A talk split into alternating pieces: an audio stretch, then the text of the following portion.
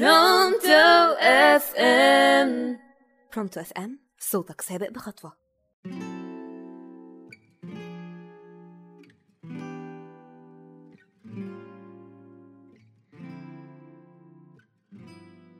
أهلا بيكم معاكم رضوى خالد على برونتو اف ام برنامج حياتك أحسن واسم حلقتنا النهاردة هو لا تبكي على اللبن المسكوب.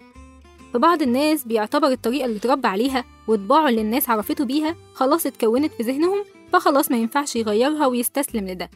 مع إن الذكي بقى اللي بيكون شايف إن تغيير الطباع ده ممكن يحصل بسهولة جدا.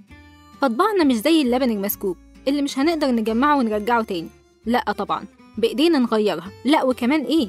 بطرق معينة نقدر نغير طباع الناس وكمان عقولهم. في كتاب اسمه طوق الحمامة. الكاتب فيه بيحكي عن قصة تاجر مشهور. التاجر ده من الأندلس. حصل بينه وبين أربع تجار تانيين تنافس كده فحبوا يزعجوه. ففي يوم وهو خارج من بيته رايح يفتح الدكان بتاعه وكان لابس قميص أبيض وعمامة بيضة وهو ماشي قابل أول واحد فيهم. فسلم عليه وقال له جميلة قوي عمامتك الصفرة دي. فرد عليه التاجر صفرة؟ أنت مش بتشوف ولا إيه؟ دي لونها أبيض. فقال له الراجل لا صفرة بس جميلة أنت متضايق ليه؟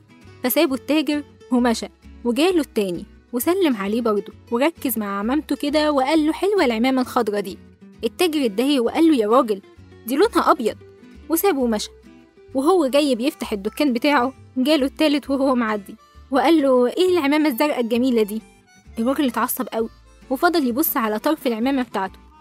ويقول له دي بيضة مش زرقاء. شوية وجاله آخر واحد. قال له أنت لابس عمامة لونها أحمر؟ ما شاء الله جبتها منين دي؟ ففضل التاجر يزعق جامد قوي. ويقول له لا دي خضرة لا دي بيضة لا دي سودة وشوية ويعيط وشوية ويضحك وشوية ويصرخ. صاحب الكتاب ده بيقول إن هو دلوقتي بقى يشوفه في شوارع الأندلس ماشي مجنون عمال بيضرب الناس بالطوب. فالناس دي بمهارات بدائية جدا قدروا يغيروا طبع الراجل ده. لا ده حتى غيروا عقله. فما بالك بقى بمهارات مدروسة فما تقولش على أي حاجة ما أقدرش لا حاول. وما تقولش معرفش اتعلم. إنما العلم بالتعلم والحلم بالتحلم. كانت معاكم رضوى خالد على برونتو اف ام